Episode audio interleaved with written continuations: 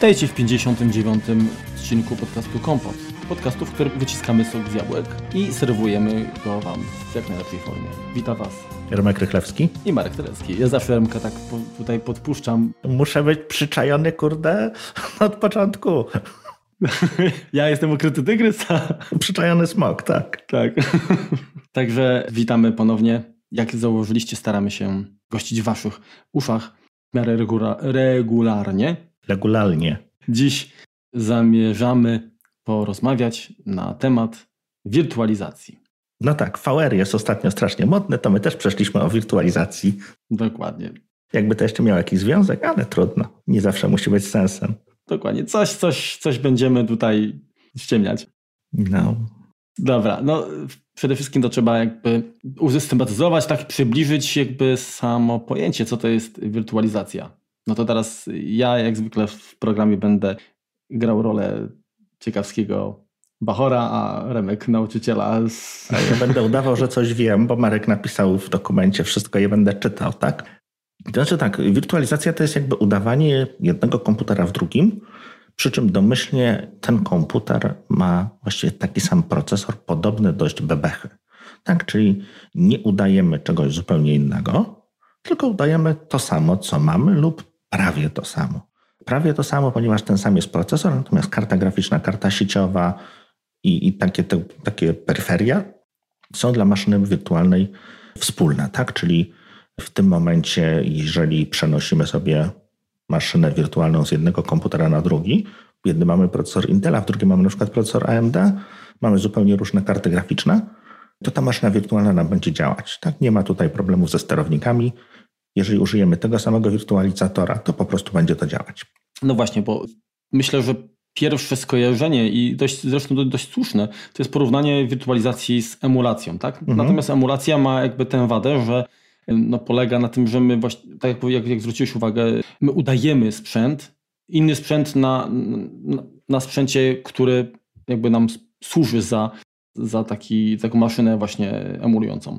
I no czasami się, że tak powiem, inaczej nie da. Emulację stosujemy chociażby w przypadku udawania komputerów starszych, które często były wyposażone w układy specjalizowane i takich układów przecież nowe komputery nie posiadają, czyli bez software'owego czy programowego udawania tychże mhm. nie dałoby się uruchomić oprogramowania na, na, na taką starszą platformę. Natomiast emulacja ma oczywiście wadę w tej postaci, że y, samo to programowe udawanie nieistniejącego, czy, czy brakującego jakby um, układu sprzętowego wymaga no, nakładów mocy obliczeniowej, czyli inaczej mówiąc, my nie jesteśmy w stanie, albo inaczej, potrzebujemy naprawdę wydajnego komputera często, by zaemulować. Udawać, tak? Z przyzwoitą prędkością, tak, komputer, który patrząc na parametry, był kurczę wielokrotnie wolniejszy niż ten, którym dysponujemy. Mhm. Czyli emulacja sporo jakby tych zasobów komputera idzie w gwizdek, może nie w gwizdek, ale idzie właśnie na przetłumaczenie instrukcji, tak jakby one były wykonywane przez y, no, te specjalizowane układy. To teraz ja się troszeczkę tam pochwalę jakąś tam wiedzą, bo to nawet nie chodzi o to, żeby zaemulować y, w tym momencie sam procesor, który no, może być tysiąc milion razy wolniejsze tak naprawdę, jeżeli porównamy jakieś 8-bitowe komputery. Natomiast te maszyny miały bardzo dużo układów specjalizowanych, które też były proste, tak? Natomiast no jeżeli weźmiemy na przykład coś, na czym się tam troszeczkę znam, czyli Atari 8-bitowe, to tak naprawdę tam najważniejszym procesorem był procesor graficzny Antic. On był nadrzędny, tak? Jeżeli on chciał się dostać do pamięci, to CPU zostało odpinane od pamięci. Więc tak naprawdę, żeby napisać dobry emulator 6502, czyli procesora, który jest w Atarce, to jest żadna filozofia. To każdy student jest w stanie napisać y, na pierwszym roku. Natomiast połączyć to z generowaniem grafiki, która w tym samym czasie się musi dziać w odpowiednich miejscach. Jeżeli tam coś się w rejestrach sprzętowych zmieni, to, to to się po prostu pojawia, bo tam się na przykład zmienia kolor jakiegoś obiektu w trakcie, czy zmienia się tryb graficzny, y, czy są jakieś przerwania. To wszystko trzeba zaemulować jakby co do cykla procesora. I to już jest bardzo problematyczne. I, no i to naprawdę, żeby to do, zrobić dobrze, no to trzeba mieć maszynę z gigahercami, mimo że ten procesor, procesorek miał tam niecałe 2 MHz. Dokładnie tak. No w Amidze było podobnie, tak? Te wszystkie układy typu AGA, Denis, Paula i tak dalej, to były specjalizowane no, No i ludzie z tego wyciskali ostatnie soki. To musiało chodzić po prostu. Do, dokładnie, dokładnie. Te, te, maszyny były dość długo na rynku i, no i po prostu gry z czasem wychodziły coraz lepsze. Tak, no teraz no mamy, jeśli mamy dzisiejsze konsole, no to też powiedzmy czas życia takiej konsoli, no to jest jakieś tam 5-8 lat. No i rzeczywiście też gry na początku są trochę słabsze, te gry później są, są dużo lepsze. Natomiast no, takiego skoku jakościowego, jak był, jak był kiedyś, no niestety nie ma. Tak, to ta praca programistów, to poznanie platformy kiedyś było dużo większe, no bo, no bo to było prymitywne i po prostu inaczej się nie dało. Zgadza się. No właśnie. Jeszcze jest coś takiego jak kompilacja just in time JIT. I to też jest bardziej związane jakby z emulacją, tak? Tylko, tylko pozwala jakby kod skompilować dynamicznie, czyli program w momencie wykonywania, tak on za każdym razem troszeczkę jakby inaczej wygląda i w tym momencie mhm. nie jest ta emulacja jakby, czy kompilacja nie przebiega z wyprzedzeniem, mhm. Tylko wtedy, kiedy, że tak powiem, y, zajdzie potrzeba i to znacząco przyspiesza emulowane środowisko, natomiast wymaga również sporo zasobów po stronie tej, tego hosta, tak nazwijmy. A co byś podał jako przykład JITA? No chociażby rozwiązania WinUAE, tak? Na przykład emulatora MIGI właśnie. Mhm. Tam nie pamiętam, czy, czy, czy chodzi, o, chodzi o Oblitera, czy, czy jakiś inny układ specjalizowany, ale wydaje mi się, że chyba to znacząco tam przyspieszało. Mogę się mylić, bo naprawdę to są już takie szczegóły anatomiczne, w które nigdy się tam nie zagłębiałem. Natomiast faktycznie załączenie tej opcji powodowało, że y, ta emulacja no była znacząco płynniejsza, tak? Mhm. Natomiast oczywiście starsze maszyny nie miały wystarczającej mocy, żeby, żeby to udźwignąć. Jasne. No i poczekaj, to jeszcze ci wejdę, wejdę słowo. No i tego JITA, którego znamy, no to jest Java, tak? Sam sobie wymyślił, Sun Microsystems wymyślił sobie nieistniejący procesor, który go zrobił język i tak naprawdę wszystkie inne maszyny go emulują. To jest jakaś prosta maszyna stanu, tak? Natomiast no, jest to też just-in-time compiler. Mówię o Javie, nie JavaScriptie, ważna sprawa. Jasne. Ja jeszcze bym tutaj dodał, y, tak dla porządku oczywiście, zanim przejdziemy do, do, do wirtualizacji na konkretnych przykładach, że też znaczy to, to nie jest konkretnie wirtualizacja, ale no, trzeba jakby o tym wspomnieć. Rozwiązania typu, pamiętam jak pojawiały się, zaczęły się pojawiać pierwsze tytuły na Maca, które wykorzystywały taką technologię Cider. Mhm. Firma Transgaming robiła, czyli generalnie tak, gra w wersji PC, tak, pod Windowsa, była opakowana w takie środowisko, które jakby pozwalało wykorzystać możliwości systemu operacyjnego macOS, tak? Czyli to było coś takiego jak crossover mniej więcej teraz? No, nie do końca. Ale jeszcze na miarę po prostu, pod konkretną. dokładnie, to, tak, to, dokładnie tak. To może coś, żebyśmy też porównali, to może tak jak teraz możemy sobie na Gogu kupić gry z 486, tak? Bo one też chodzą... No tam jest, do, tam jest najczęściej DOSBox jakiś jest, jakiś jest uruchamiany. Mhm. Czyli to jest powiedzmy coś, coś takiego w, w zamyśle. Mhm. Pokrewne do emulacji mamy jeszcze, czy, czy do wirtualizacji mamy jeszcze usługi terminalowe. Mhm. Czyli nastawiamy sobie jakiś jeden wielki, mocny, taki wypasiony z mięśniem serwer, no i do niego, na nim udajemy ileś tam komputerów, które, na których po prostu podłączamy sobie użytkowników, czy jakieś konkretne nawet aplikacje, no bo to nie muszą być całe systemy, mogą to być jeden, jeden program po prostu, który jest tam uruchamiany ileś tam razy i, i, i ma jakieś oczywiście wspólne zasoby, natomiast no to jest też jakby temat pokrewny i warto go jak gdyby odróżnić. Dokładnie, zresztą jakby jedną z zalet jakby wirtualizacji jest to, że my możemy udostępnić zwirtualizowane środowisko na maszynie o, o znacznie większej mocy obliczeniowej mhm. i osoba, która no, łączy się zdalnie tak, do takiej maszyny, może wykonać operację znacząco szybciej niż gdyby pracowała na, y, wykonywała te same operacje na, na, na swoim desktopie, tak? Mhm. Wiesz, no to się na przykład bardzo przydaje, jeżeli mamy aplikacje jakieś kadowskie, takie duże, duże, grube, tłuste, które potrzebują takiego GPU, co by najlepiej to miało jedno, tylko dwa albo 5, 8, 16. No i na przykład mamy, mamy studentów, tak? Mamy wyposażyć 20 maszyn do pracy w jakiejś aplikacji kadowskiej, w jakimś, dla jakichś laboratoriach to w tym momencie może się opłacać bardziej, żeby ci studenci łączyli się ze swoich netbooków, czegokolwiek, tak, laptopików, byle jakich terminali właściwie. Natomiast całe to, to mięso, wszystkie te, wszystkie te karty graficzne włożyć do jednej maszyny, gdzieś w serwerowni chłodzić i tam to po prostu będzie ekonomicznie powiedzmy działało dla wszystkich na, jednym, na jednym sprzęcie. No i kwestia chociażby, zresztą to do, o zaletach to właśnie powiemy, ale jeszcze kolejny przy, przykład taki, oczywiście ten przykład może nie do końca jest aktualny, dlatego że usługa nie działa, nie wiem, z 2-3 lata chyba, nie pamiętam dokładnie, ale swego czasu było, było dostępne coś takiego, co się nazywało OnLive Games. Mhm. Platforma, która umożliwiała uruchomienie na zasadzie subskrypcji, tak? Łączyło, można było się łączyć z specjalnym klientem do tej platformy i grać no, w różne gry na, na swojej maszynie i tak naprawdę posiadając komputer, który nie byłby w stanie uruchomić danej gry, danego tytułu, mhm. sam powiedzmy ten streaming był na tyle dobrze rozwiązany, że wyszło dość powiedzmy przyzwoicie tak sobie pograć. Wydaje mi się, że troszkę to chyba biznesowo tam się nie sprawdziło. Natomiast ale wiesz co, nie, no to poczekaj, no to jakby upadło, natomiast no mamy godnych następców. Jest Google Project Stream, gdzie, współpra gdzie we współpracy z Ubisoftem Google udostępnia Assassin's Creed Odyssey i można sobie pograć na Chromebooku y, w grę z wybajeżoną grafiką. I jest podobna usługa przez Sony oferowana, natomiast to jest chyba PlayStation Now, ale tutaj mogę się mylić, niedostępna w Polsce. Więc to jakby wiesz, no troszeczkę w tą stronę jakby świat poszedł. Może oni byli troszeczkę za szybko po prostu. No dokładnie. Zresztą daleko nie trzeba sięgać, bo nawet jeżeli korzystamy z produktu firmy Valve, tak, mhm.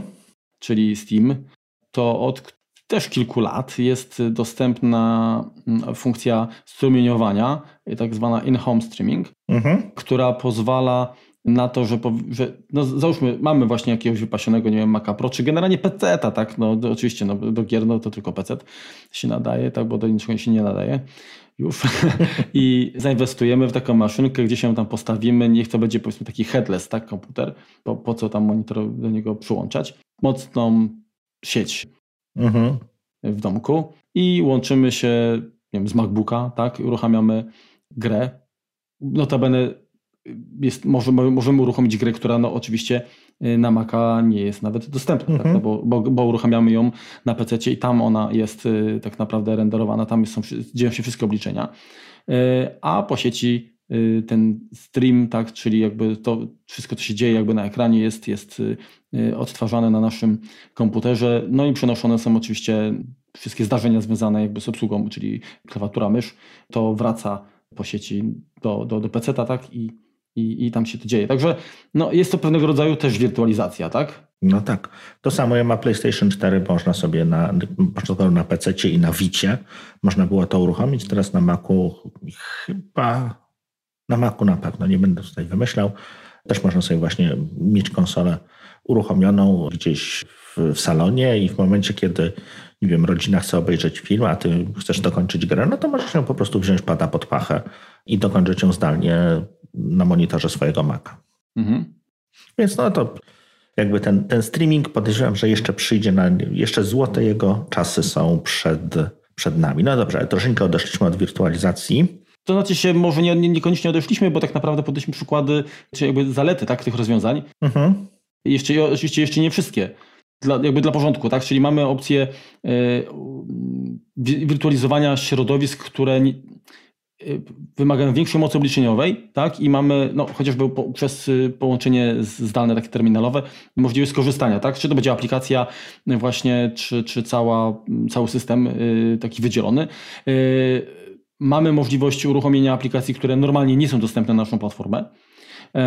Co jeszcze? Jak, jak, jakie zalety byś tutaj dodał? Wirtualizacji. Zalety wirtualizacji. No mamy możliwość na przykład przetestowania sobie jakiejś aplikacji bezboleśnie, tak? No jeżeli, y, mhm. nie wiem, chcemy zobaczyć, czy warto zainwestować w pakiet Adobe'ego, no jak wiadomo, to nie jest aplikacja, która szczególnie dobrze traktuje system, jeśli chodzi o, o bycie takim mm, no, grzeszną aplikacją, która ładnie instaluje się w jednym katalogu, której łatwo się pozbyć, odinstalować. No niestety zainstalowanie CC no troszeczkę nam nasmieci w systemie, więc możemy sobie zrobić maszynę wirtualną, zainstalować na niej jakąś aplikację, sprawdzić, czy odpowiada nam jej funkcjonalność i bezboleśnie później tą maszynę wirtualną skasować i odtworzyć, odtworzyć sobie z nią z kopii. Tak? Nie tak jak system, gdzie to będzie nam trwało jakieś mhm. godziny, tylko po prostu przegranie jednego pliku, właściwie nie wiem, dwie minuty i jesteśmy. Z powrotem mamy czysty systemik e, do testów, tak? Ja takie maszyny wirtualne e, trzymam właśnie po to, żeby, żeby pewne rzeczy sprawdzać, tak? Mam kilka wersji. Dokładnie. macOSa, mam jakieś Windowsy i po prostu na nich, jeżeli mam jakiś software, który no nie wiem, co to jest, tak? Nie chcę tego instalować na swojej produkcyjnej maszynie, bo nie chcę sobie jej rozkrzaczyć, tak?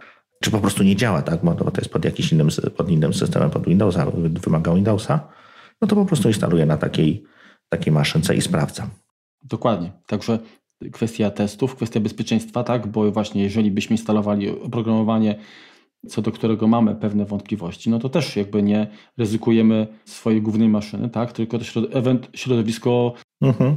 wirtualne. Czyli jeżeli byśmy chcieli nim przetestować na przykład Petia czy jakiś WannaCry, no to lepiej zrobić to na, na maszynie wirtualnej niż oczywiście na, na, na hoście. Co jeszcze? Ujednolicono środowisko pracy moim zdaniem, tak? No tak, to, to firmowe oczywiście, że tak. Także no, powiem tak, gdybym prowadził szkolenia na iluś tam maszynach, to wolałbym udostępniać y, uczniom właśnie no, maszyny wirtualne i na koniec tam powiedzmy dnia zrobić reset pod postacią podmiany plików, czy nie pojawia się nowa grupa, tak, to zmieniam nim ścieżkę, czy przyłączam. I tyle. Ja wiem, że jeśli coś wysypie, to, to jest to moment, tak, żeby po prostu przywrócić stację, tak, do, mhm. do takiego stanu, że można było dalej z niej korzystać. Powiem Ci, że tak, że jeżeli chodzi o wirtualizację taką, że mamy na jednym komputerze wiele różnych maszyn wirtualnych, to trochę mam wrażenie, że tak, takie bym porównanie tutaj zaryzykował z usługą BlaBlaCar. Bo często jest tak, że uruchamiamy komputer i on właściwie przez większość czasu to on nic nie robi. Mhm. I to jest mniej więcej tak, jedziemy sami, gdzieś tam dojeżdżamy cały czas na tej samej trasie, wozimy powietrze, siebie i powietrze, tak? No i ten samochód głównie na nas czeka, tak? Tak. No. no bo jedziemy do pracy, czyli używamy samochodu, nie wiem, godzinę, pół godziny, żeby dojechać. Potem przez 8 godzin stoi, potem przez te znowu godzinę, pół godziny wracamy. Niech będzie, że jeszcze wieczorem wyjedziemy, czyli do sklepu obok, czyli mamy 3 godziny podczas dnia używany samochód, a 21 godzin czeka i zajmuje miejsce gdzieś na parkingu. No właśnie, czyli utrzymanie takiego pojazdu kosztuje, ubezpieczenia, paliwo i tak dalej. I teraz, jeżeli skorzystamy mm, z czyjegoś środka lokomocji, tak, dogadamy się, no to w tym momencie ta osoba będzie miała niższe koszty. Mhm. My będziemy no, mieli wygodniejszy, powiedzmy, sposób dojazdu. My nie, nie będziemy musieli zainwestować w, w własny pojazd. Natomiast oczywiście są jakieś też e, negatywne skutki, tak? Jeżeli wsiądzie do samochodu osoba, która waży tam, nie wiem, 80 czy 100 kilo, no to wiadomo, że jest to dodatkowe obciążenie dla pojazdu, czyli mhm. on będzie, będzie wolniej przyspieszał, będzie, nie wiem, dłużej hamował, więcej spali. Także jakiś to wpływ ma. I jeżeli tych osób wsiądzie ileś tam, czyli tych maszyn wirtualnych uruchomimy kilka na, na serwerze, no to wiadomo, że oczywiście my możemy przedzielać jakby zasoby na sztywno, tak? Ale było, nie było, w końcu kucnie. No, dokładnie. Także jakieś, no coś za coś. Natomiast wydaje mi się, że pod względem ekonomiczności to i tak wirtualizacja jest chyba naprawdę bardzo, bardzo pożądanym tak, rozwiązaniem. Znaczy ty wiesz, teraz tak naprawdę nie stawia się tak norm, normalnych serwerów, tak? Stawia się serwer i na nim stawia się nawet jedną maszynę wirtualną, żeby to było łatwiej przenieść, bo w tym momencie mamy przy okazji jakichś zmian sprzętu, jakiegoś padu czy, czy czegokolwiek, tak, czy upgrade'u, to podmieniamy serwer, tak, na którym hostujemy tą maszynę wirtualną, przegrywamy pliki i nie musimy się bawić w zmianę konfiguracji czy coś tam. Mamy po prostu gotową, gotowy system, który działa po prostu szybciej, tak? Przestawiamy sobie fistaszki, nie 4 CPU, tylko 16, nie 32 giga, tylko 128 i wio. Mhm. Poza tym druga rzecz, którą się robi y, bardzo często, tak? Nie stawiamy w takich środowiskach IT wielu usług na jednej maszynie jako takiej. Stawiamy każdą usługę pojedynczo na maszynie wirtualnej, bo w tym momencie, jeżeli y, w którymś momencie jest nam potrzebne albo coś wyłączenie, albo przeskalowanie, albo wymienienie któregoś z klocków, no to po prostu wymieniamy całą maszynę wirtualną, jedną, którą tam, nie wiem, zmieniamy jakiś, jakąś tam aplikację, czyli bazę SQL-ową powiedzmy zmieniamy, przechodzimy na Oracle, no to wymieniamy jeden klocek, a nie przejmujemy się resztą. Również bardzo ładnie się to wirtualizuje pomiędzy maszynami, tak? czyli możemy mieć jakiś tam klaster, czyli sobie przenosimy w zależności od obciążenia. Natomiast no, to są rzeczy takie, które y, no, mało osób będzie interesowało, no bo to jest jakby wąska grupa ludzi się zajmuje doglądaniem tego środowiska, ale coś takiego jak najbardziej istnieje. Mhm. Dokładnie. Trzeba też wiedzieć, że większość, a właściwie wszystkie hostingi, które sobie możemy gdzieś wykupić, czy to będzie jakiś Azure, czy to będzie Amazon Cloud, czy to będą jakieś nasze, nasze VPS-y, to te są też bardzo często maszyny wirtualne, które gdzieś tam stoją. I dlatego deployment, uruchomienie takiej, takiej maszyny, tak? czyli od momentu, kiedy wybierzemy sobie konfigurację do kliknij, kup, zainstaluj, potrafi trwać sekundy. I mamy działającego Linuxa, mamy działającego Windowsa gdzieś tam w chmurze na jakiejś czyjejś maszynie. Bez wirtualizacji nie byłoby to możliwe. No dokładnie. OK, to teraz przejdźmy może do czegoś, co jest nam bliższe, czyli wirtualizacji z po prostu systemu na naszym komputerze, tak? Powiedzmy, żebyś... No to jeszcze nie, Marku, nie, nie, poczekaj. A powiedz mi jeszcze, do czego ty używasz wirtualizacji? No bo tak powiedzieliśmy ogólnie, natomiast do czego, do czego nam się to przydaje? Może powiedzmy, bo to też może komuś się coś tam otworzy w głowie, że, że on też by tak chciał. Znaczy, do czego ja używam wirtualizacji na chwilę obecną nie używam, natomiast używałem swego czasu. Pod VirtualBoxem miałem Windowsa. Fu. No, no dlatego, wiesz, no...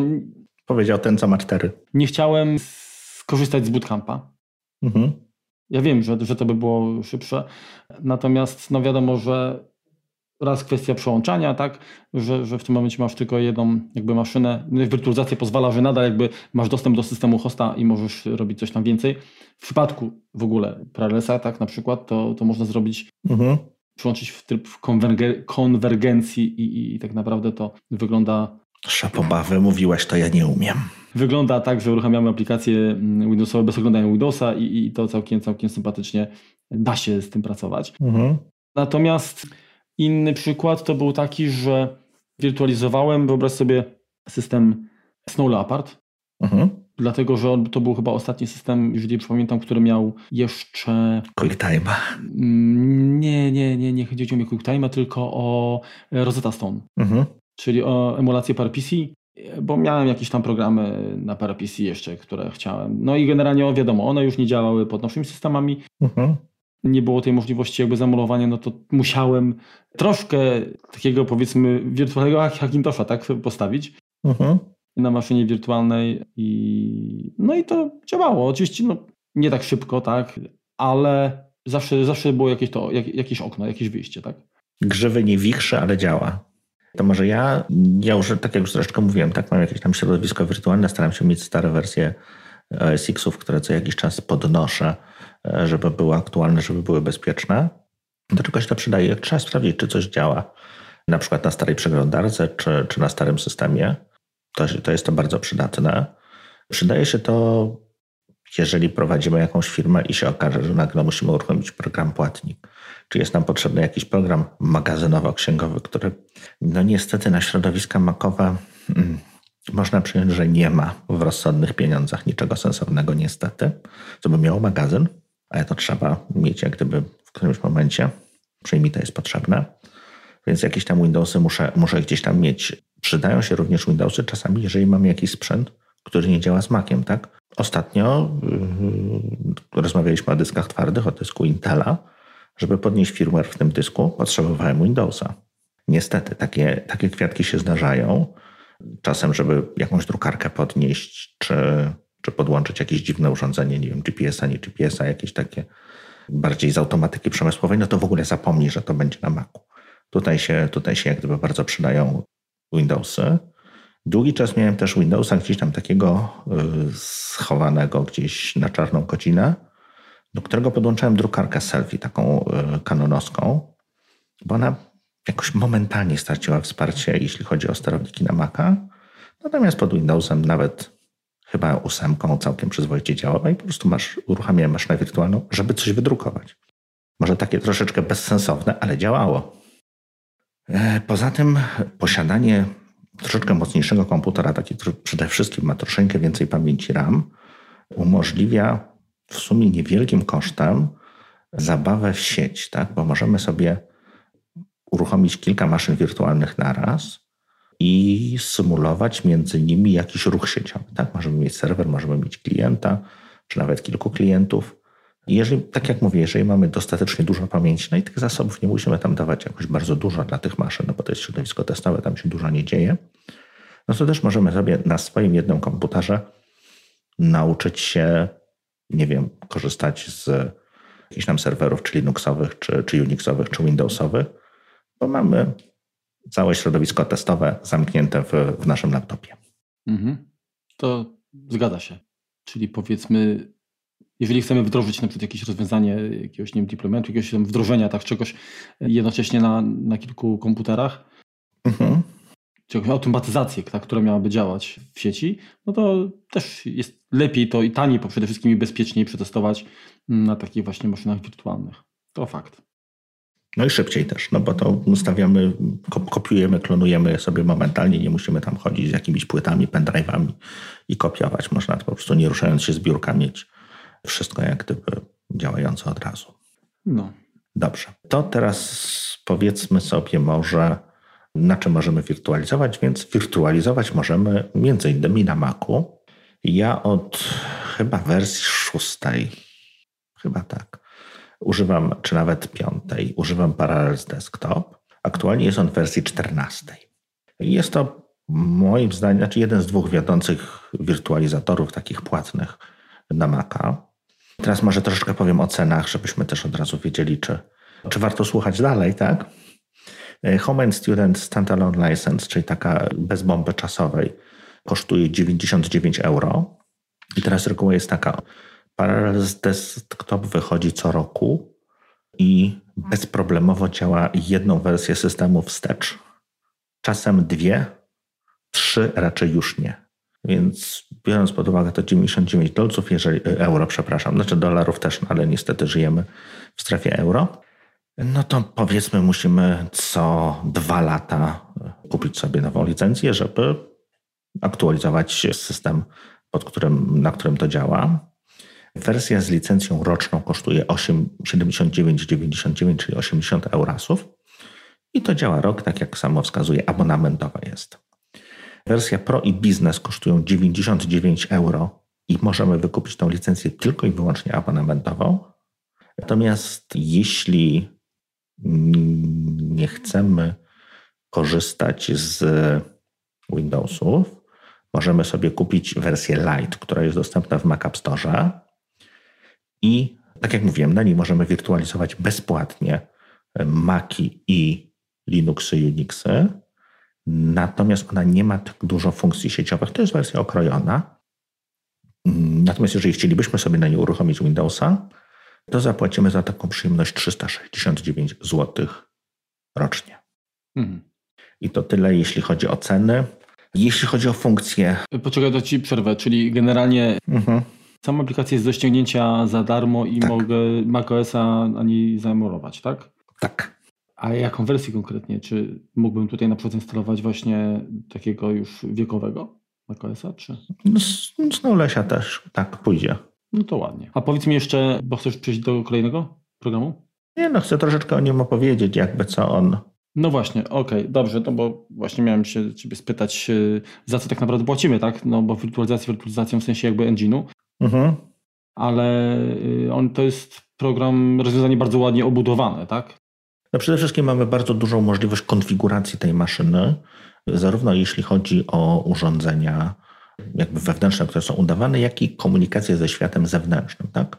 Możemy zdefiniować, że jeżeli na przykład mamy, nie wiem, jakiś niech to będzie kamerkę internetową, którą używamy tylko i wyłącznie dla Windowsa, to od razu po wpięciu jej system od razu rozpozna, że to jest kamera dla Windowsa i Mac jej nie będzie widział, tylko po prostu zostanie od razu podłączona do, do jednego z systemów, które mamy uruchomionego w wirtualizacji. Ma bardzo fajny tryb, co już mówiłeś, y, koherencji, czyli w tym momencie okienka nie widzimy desktopu Windowsowego, widzimy po prostu uruchomione aplikacje, które są obok normalnych okienek naszych Macowych, czyli możemy mieć nie wiem, okienko Windowsowego kalkulatora, notepada obok Tweetbota. Trochę się to będzie gryzło graficznie, natomiast jak najbardziej będzie obok siebie, w, obok siebie współpracowało. Bardzo fajna jest też integracja, jeżeli chodzi o dostęp do, tej, do plików, do tej maszyny, jak również i dostęp z plików z maszyny hosta, na tej, na której mamy uruchomionej tej głównej. Z maszyny wirtualnej mamy tutaj dostępność pełną plików. Mamy, mamy integrację z bootcampem, czyli możemy sobie na przykład taką maszynę wirtualną uruchomić, ale to będzie nie osobny jakiś plik na naszym dysku, tylko to będzie rzeczywiście ten bootcamp, którego mamy. Czyli jeżeli potrzebujemy pełnej wydajności, to restartujemy komputer, uruchamiamy bootcampa. Jeżeli chcemy tylko coś tam grzebnąć, uruchomić aplikację na chwilę, to możemy po prostu skorzystać z Parallelsa. Co dalej? Jest bardzo fajna integracja z wszystkimi usługami chmurowymi, łącznie z iCloudem. Po prostu one działają przezroczyście, to jest jak gdyby dodatkowo wspierane. Tak? Te, te, te dane się bardzo ładnie wymieniają bez, bez potrzeby trzymania, bez przerzucania tego do chmury. Tak? No idzie to jakby lokalnie po, po naszym komputerze, bo jest to trzymane jak gdyby w jednym miejscu. Wsparcie dla Thunderbolta, dla Firewire, Bluetootha jak najbardziej jest. Wsparcie dla Retiny. Też to nie wiem, czy, czy te rozwiązania darmowe to mają. Jak również jeżeli zdecydujemy się na wersję abonamentową, to mamy taki dość fajny programik Parallels Toolbox. To jest taki zbiór takich duparelek, takich malutkich aplikacji, które coś nam pomagają zrobić, jak również Remote Access, czyli w tym momencie możemy się połączyć zdalnie do naszej maszyny wirtualnej przy pomocy takiego specjalnego klienta VNC, właśnie ten Parallels Remote Access. I w tym momencie mamy ten system troszeczkę jakby dostosowany do, do pracy z tabletem czy z iPadem. Tak? Tam są po prostu dodatkowe skróty do aplikacji, które możemy sobie stworzyć, żeby, żeby wygodniej po prostu z tego korzystać.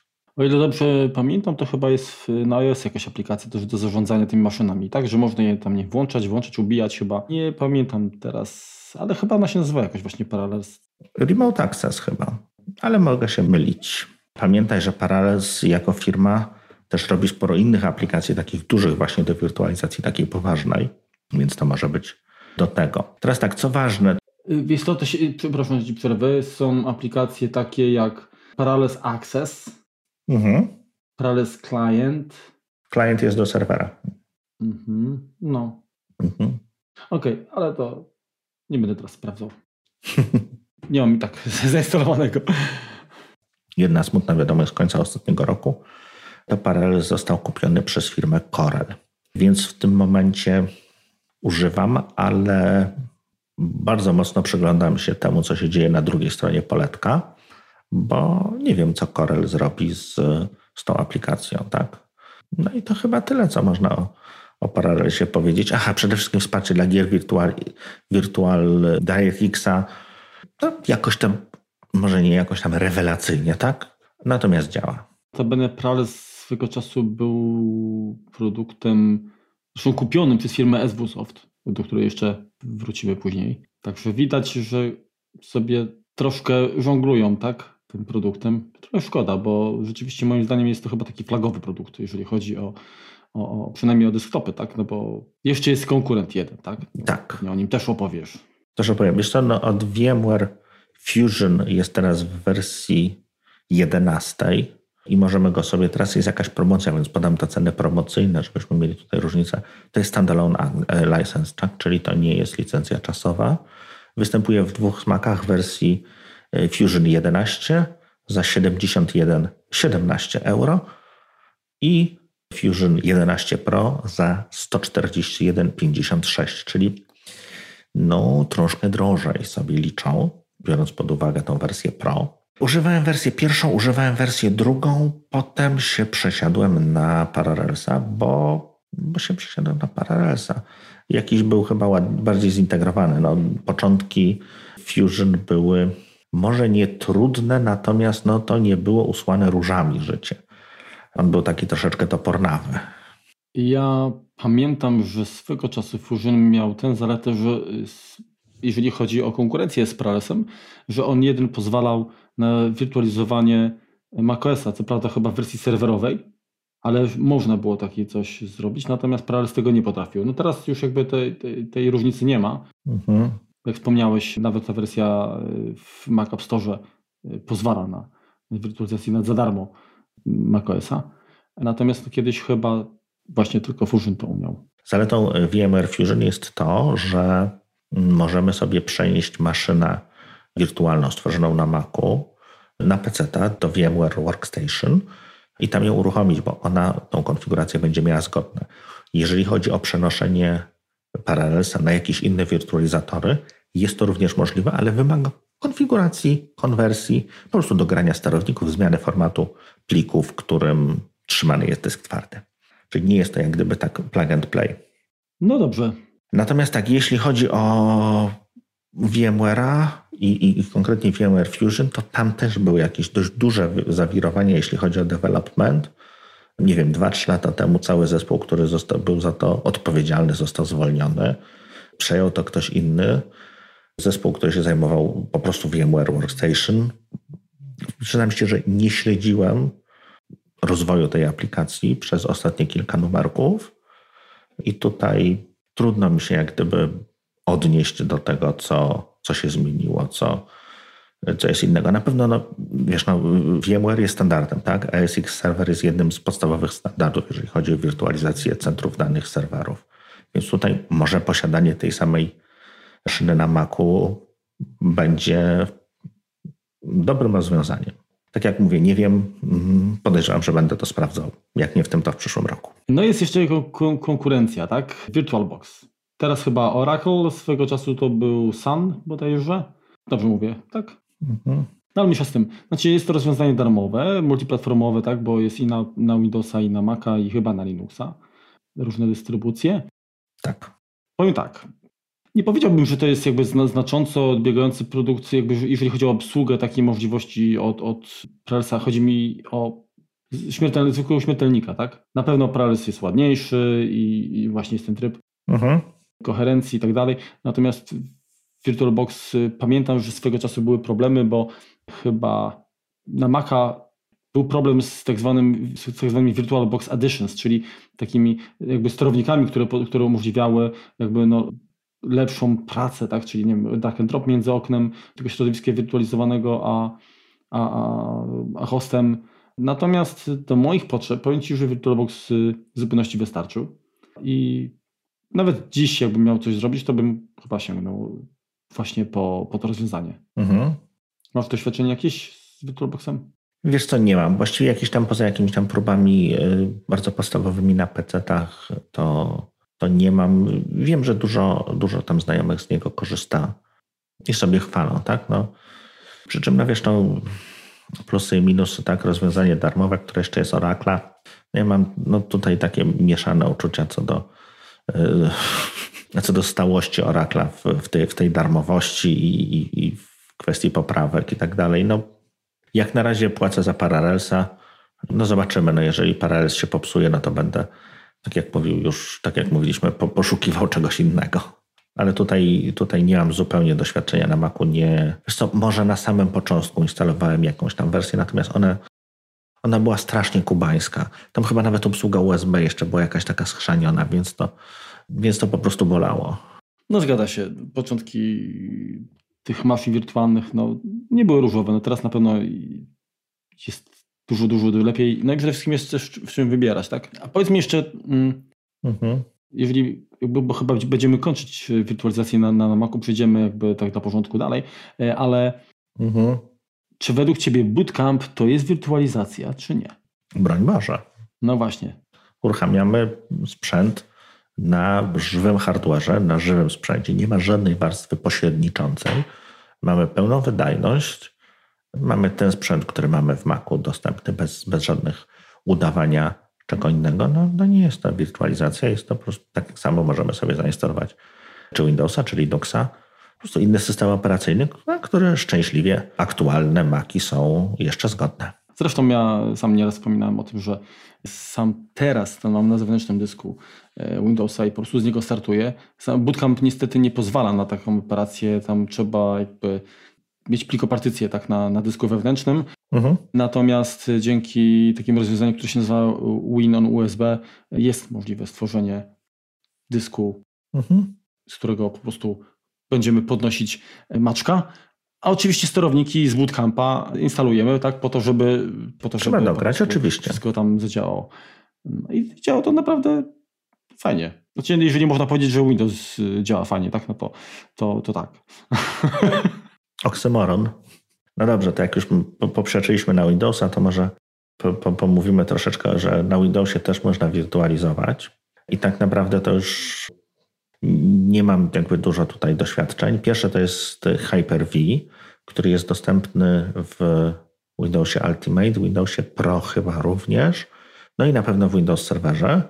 Windows Home go nie posiada. To jest taka wirtualiza- taki wirtualizator też, zresztą kiedyś tam kupiony przez Microsoft i cały czas rozwijany, co można powiedzieć działa. Przydaje się głównie, głównie na serwerach, czyli tam, tam, się, tam się używa go bardzo mocno i jak również, mm, co, co, co są jakby plotki a propos tego, co Microsoft ma zamiar zmieniać, to Microsoft chce zwiększyć bezpieczeństwo swojego systemu, że będziesz mógł sobie, Marku, uruchomić aplikację, czyli wiem, przeglądarkę internetową, właśnie pod hypervisorem. Będzie taki jeszcze troszeczkę obcięty Hyper-V, to będzie mikrokelner, seraty, taty, pierdaty. Żeby było bezpieczniej, to jak ci tego Internet Explorera zhakują, to ci nie zhakują całego systemu, bo... Czyli, czyli taki sandbox taki trochę. Taki sandbox zaawansowany, dokładnie. Więc to wirtualizację będziemy, podejrzewam, że spotykali coraz, coraz częściej, no bo jest to jakby lekarstwo na, no powiedzmy szczerze, tak, nieudolność programistów. Zgadza się, no, tym bardziej, że wirtualizacja jest możliwa y, dzięki temu, że po pierwsze sprzęt, którym dysponujemy ma wystarczającą moc obliczeniową, a po drugie w końcu jesteśmy jakby w epoce mhm. systemów operacyjnych, które są wielowątkowe, wielozadaniowe, tak?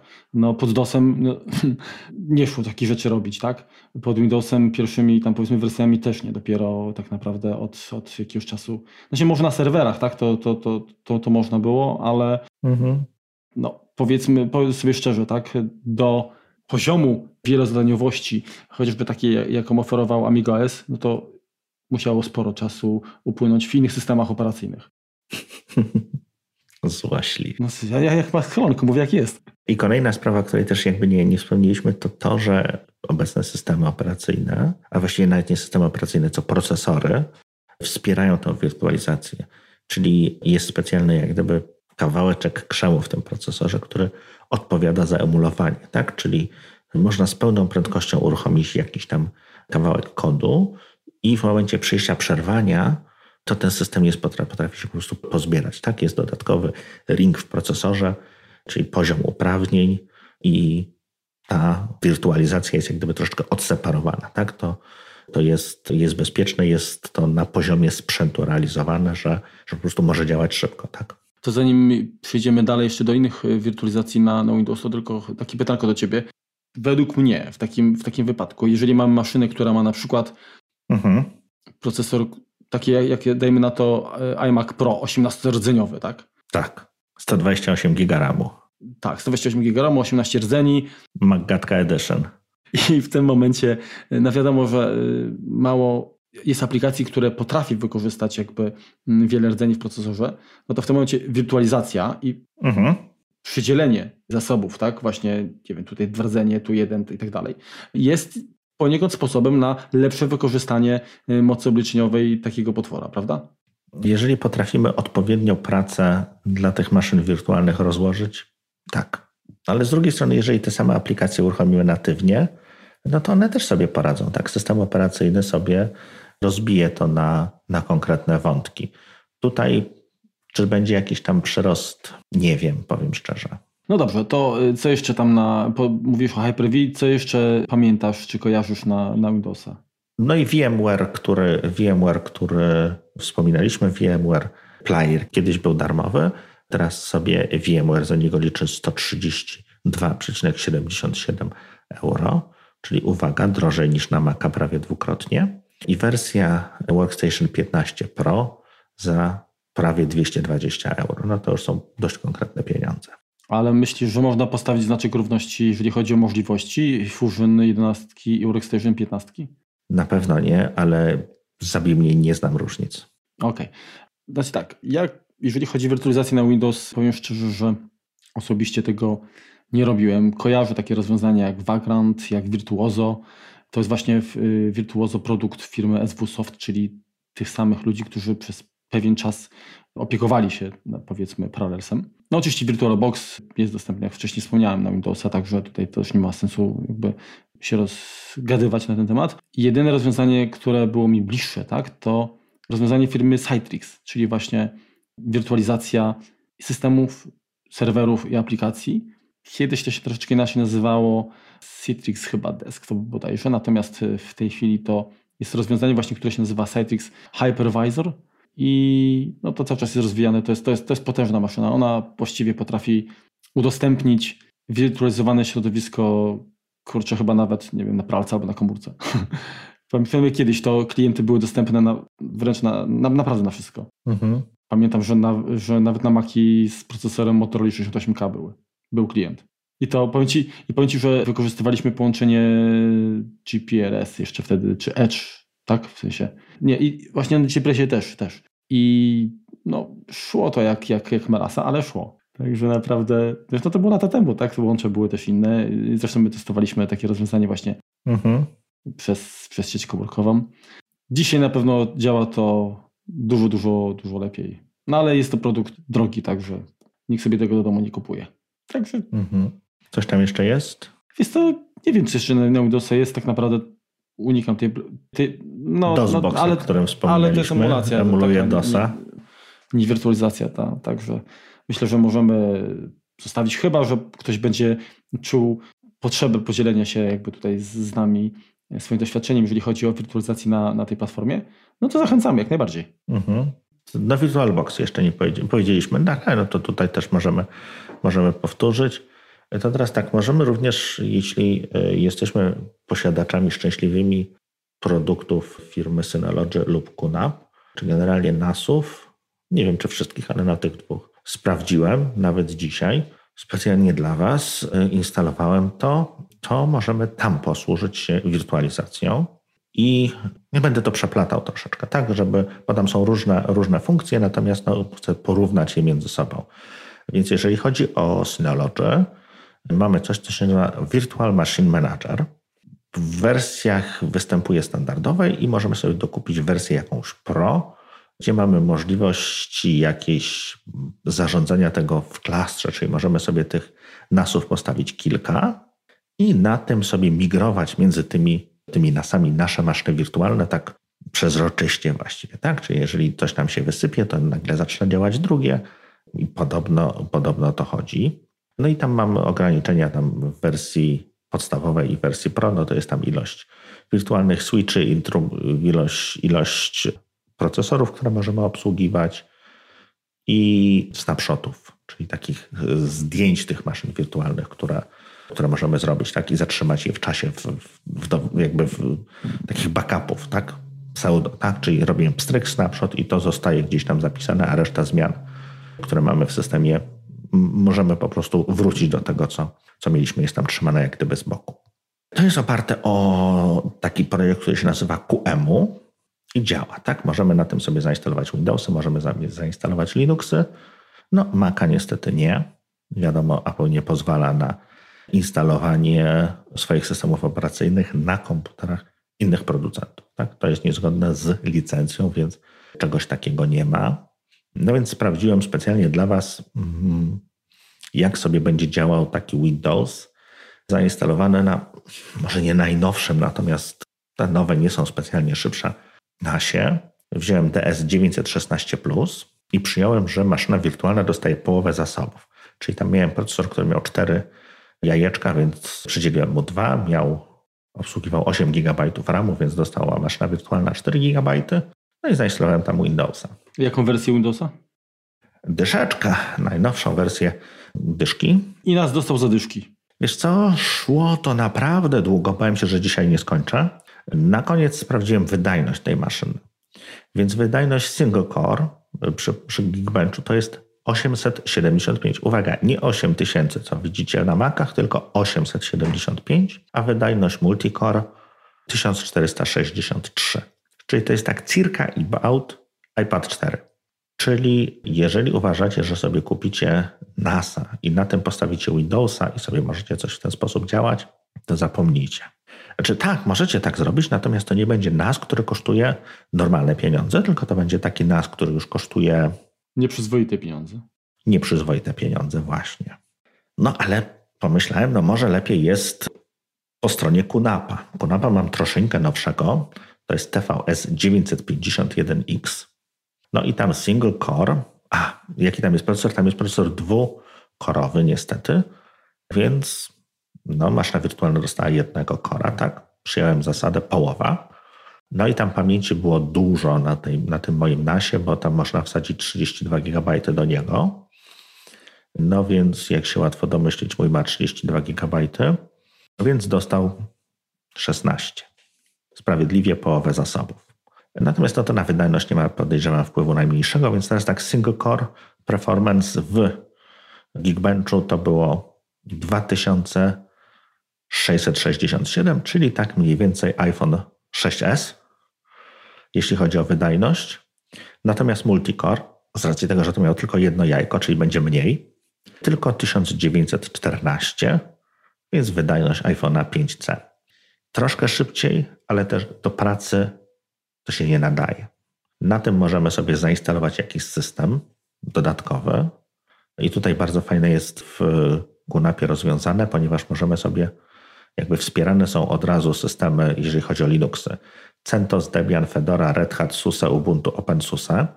Możemy dodatkowo zainstalować jakiegoś takiego archaicznego Androida 4.1, 4.4 RC1. Nie wiem, jak jeżeli ktoś by chciał zostać zhakowany, to, to proszę bardzo. Można zainstalować FreeBSD, Sun Solaris, wszystkie Windowsy od wersji XP do 10 i Windows Server. Tutaj o dziwo nie wszystkie są jak gdyby tak wspierane. Podejrzewam, że inne też działają, natomiast te były na liście. Od 2003 R2, czyli już takiego Windowsa z brodą, po 2016 bez R2 i bez 2019, więc powiedzmy te wersje serwerowe są dwie wersje w plecy. Natomiast to jest też QEMU pod spodem.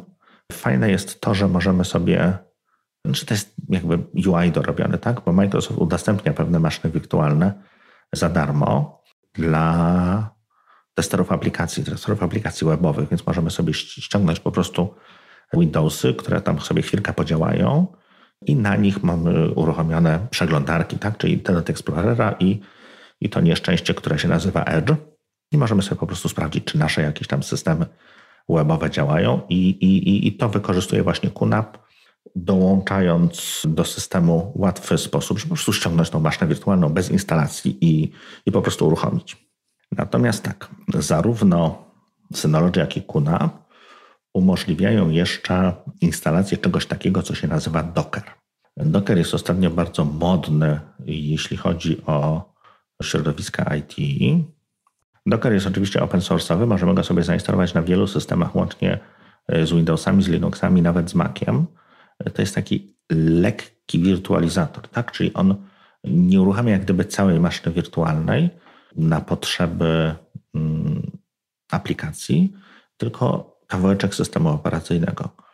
I pomysł jest taki, że na Dockerze, na jednym kontenerze, bo tam nie mamy pojęcia maszyny wirtualnej, tylko kontener, czyli kawałek katalog, tak to nazwijmy, bo nie ma to system, osobnego systemu plików, tylko jakby kawałek, kawałek korzysta z, z tego, co, co udostępnia komputer hosta. Uruchamiamy sobie jedną aplikację, tak? I w tym momencie też to mamy tą zaletę, że tą aplikację możemy sobie przenosić, możemy ją sobie usuwać z taty i podobno jest fantastycznie. Nie jestem przekonany do Dockera. Może kiedyś jeszcze do niego przekonam, natomiast no, zarówno, zarówno Synology, jak i QNAP umożliwiają uruchomienie czegoś takiego. QNAP ma dodatkowo coś, co się nazywa mm, LXC. LXC umożliwia, to jest coś podobnego, tak? To jest też jakby kontener, czyli to nie jest cała maszyna wirtualna, tylko taki kawałeczek systemu operacyjnego, tylko on umożliwia uruchomienie na tej jednej jednym kontenerze. Też chyba tam jest, funk- funkcjonuje ta, to nazewnictwo kilku usług. Taka jest tego, tego różnica. Wiesz co, to się może przydać, jeżeli chcemy sobie jakąś na tym nasie uruchomić jakąś usługę, nie wiem, do HomeKita, czy jakąś aplikację, tak, typu Unixową, tak, Natomiast no, nas tam tego jako taki nie umożliwia. Tak? No, wchodzenie i logowanie się bezpośrednio przez konsolę, przez SSH, no to jest droga do problemów, bo teraz każdy update systemu nam to pewnie popsuje, jak nie zaora. E, natomiast w ten sposób możemy sobie doinstalować jakieś dodatkowe usługi, których e, domyślnie producent nie, nie przewidział. Czyli tak podsumowując, tak, można, natomiast jeśli chodzi o wirtualizację na, e, na NASach, no te NASy domowe, nawet jeżeli już mają procesor Intel, czy zgodny z Intelem, tak, nie musi to być Intel, może to być AMD, no to najczęściej to będzie jakiś prosty procesor tani, niskonapięciowy i tak dalej, który no nie będzie przystosowany do tego, żeby uruchamiać po prostu duże aplikacje, uruchamiać Windowsa i w ten sposób pozwalać na pracę. To jeszcze obsługuje QNAP, który ja posiadam, który, zresztą on ma, tak jak większość ich wyjścia HDMI, czyli możemy podłączyć monitor, możemy podłączyć klawiaturę i mysz, możemy z niego zrobić stację, właśnie workstację taką Linuxową. I jest dodatkowo jeszcze coś, co się nazywa Linux Station, czyli po prostu mamy możliwość pracy na tym jako, des, jako na desktopie, jak również integrację przez Linuxa właśnie z jakimiś tam kwestiami IoT czy, czy innych po prostu z świata, mhm. świata Linuxowego. Powiedz mi, gdy uruchomimy wirtualizację na NASie, tak. Biorąc pod uwagę, że ten sam procesor pewnie steruje całym pudełkiem, to no, będzie to miało wpływ i takie obciążenie na ewentualną obsługę serwowania plików, prawda? Co, mm, I tak i nie. To zależy jak gdyby od tego, ile zasobów przydzielimy dla tej, tej maszyny wirtualnej. Te NASy no do przesyłania plików no to jest tak naprawdę I.O. tylko potrzebne. Tak? To utylizuje nam się PCI lane'y. No to jest taka pompka, tak? Trzeba z dysku przepompować do sieci, z sieci przepompować na dysk. Więc tutaj procesor paradoksalnie dużo pracy nie ma. Jeżeli włączymy jakieś szyfrowanie, na pewno poczujemy różnicę. Natomiast przy takiej normalnej pracy nie podejrzewam, żeby to było dużo. Co ważne i też jeszcze nie powiedziałem, to zarówno, znaczy na pewno QNAP, chyba Synology też, jeżeli mamy wersję tańszą, czyli mamy wersję armową, również możemy tam uruchomić wirtualizację, a raczej nieprawdziwą wirtualizację, Docker. Tak, wirtualizacja na armii niestety nie jest wspierana jako taka, czy jako prawdziwa duża maszyna wirtualna. Właściwie to chyba myślę, że można e, kończyć. No, woli jakoś tam podsumować. No, wirtualizacja mm, na pewno jest bardzo wygodna, tak? No, pozwala na, przy dużych środowiskach lepiej zutylizować te zasoby, tak jak, tak jak Marku mówiłeś. Przy małych środowiskach, tak jak domowych, mhm. no, pozwala na większą elastyczność, tak? Możemy sobie łatwo czy coś przetestować, czy uruchomić jakąś inną, inny system operacyjny znaczy, jeżeli, jeżeli nie mamy drugiego komputera, tak, na którym moglibyśmy zrobić jakieś testy, no to taka maszyna wirtualna może być właśnie takim rozwiązaniem. Mhm. Na pewno tańszym niż drugi komputer. No, dokładnie. No to ja myślę, że może na pewno przybliżyliśmy, tak, bo taki jakby był cel tego nagrania, wirtualizację.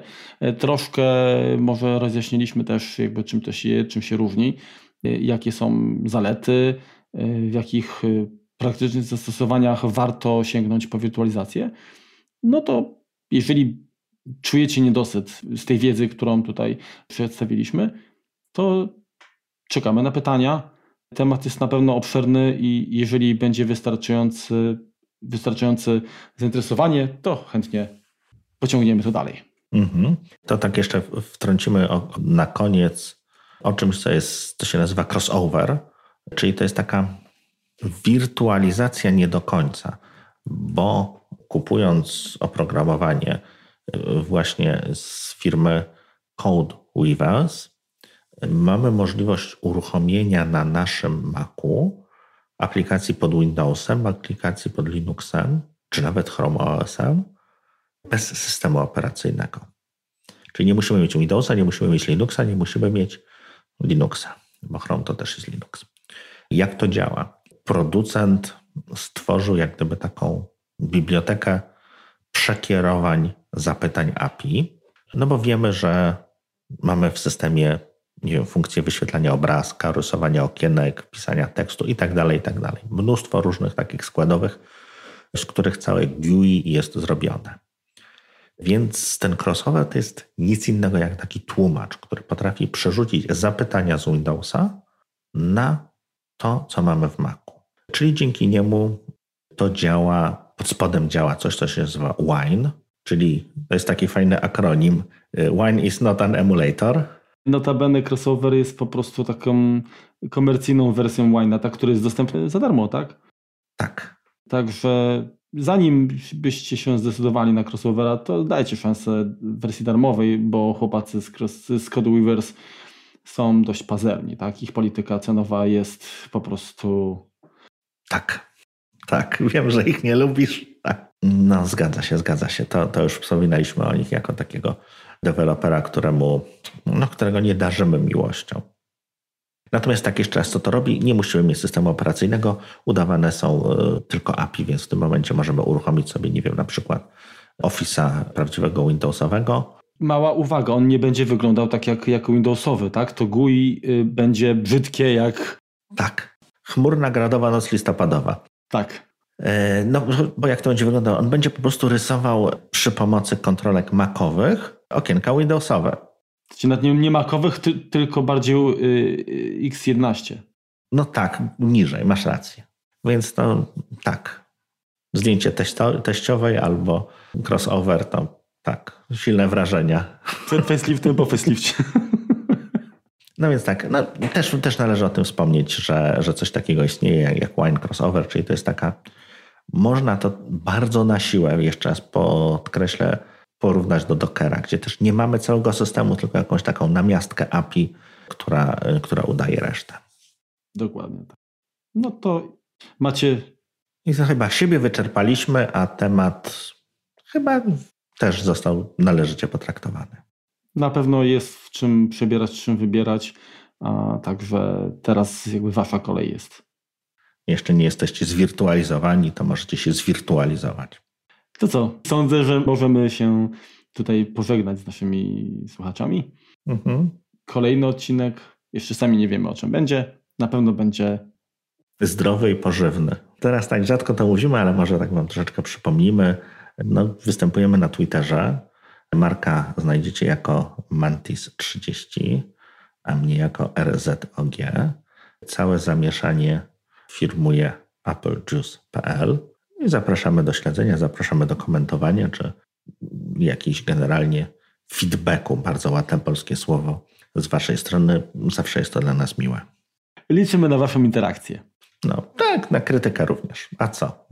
Nie, no dokładnie. Tym się nie przejmujemy. Mamy, mamy świadomość, że, że możemy coś tam pokiełbasić i nie wszystko mogło być właściwie podane, jakieś tam błędy się mogą pojawiać. Co tam jeszcze? Na Spotify nas możecie słuchać, ale nie wiemy, za bardzo tam te statystyki tam są, są dość dziwne, no ale coś tam się pojawia. Słuchacie nas na Apple Watchu ostatnio, bardzo, bardzo się zdziwiłem. Jak również wysyłałem jakiś czas temu Markowi takie zdjątko, mamy takie troszeczkę was, nie że śledzimy, ale no jest możliwość sprawdzenia po prostu skąd pobieraliście to już mamy wszystkie kontynenty. Byłem bardzo, bardzo z Was dumny. Łącznie z Australią. Kontynentów wiele nie ma, także cieszymy się, że udało się. Siedmiu słuchaczy jest. Te, teraz jeszcze będziemy sprawdzać, czy z innych układów słonecznych nas też ktoś tam słucha. Nie, tam nie ma IPv4 przydzielonego. Ja mam to na IPv4, wszystko to się nie da. Tunelują, tunelują. No. Dobrze, to tyle. Pozdrawiamy, do usłyszenia. Trzymajcie się. Trzymajcie się, dziękujemy za odsłuchanie i miłego wieczoru, miłego dnia. Poranka. Trzymajcie się, cześć. Ty nie wiem, kto teraz wita. Czy to będzie 59. Możemy przejść dalej. I ślicznie. Dawaj. Jezu. Znaczy, tak, jeszcze raz. Torenty. Nie, tam fuj z torrentami. Dobra, okej, okay, teraz tak, to tam wytniesz. No, no to, to nie chodziło o to. Czyli, i teraz mi wyleciało z głowy, jak to się nazywa. Jeszcze raz. Już na takim poziomie, że bez interakcji, to ciężko mówić o, o, o, o jakichś takich... Yy... Miałem powiedzieć, nie. Dobra. Ja myślę, że myślę. Y, ja, ja myślę, że myślę. No to ja też myślę, że myślisz. Ja, ja wiem, że myślę i, i sądzę, że i, i możemy się tutaj pożegnać z naszymi słuchaczami. Zapisuję. Zapisuj właśnie.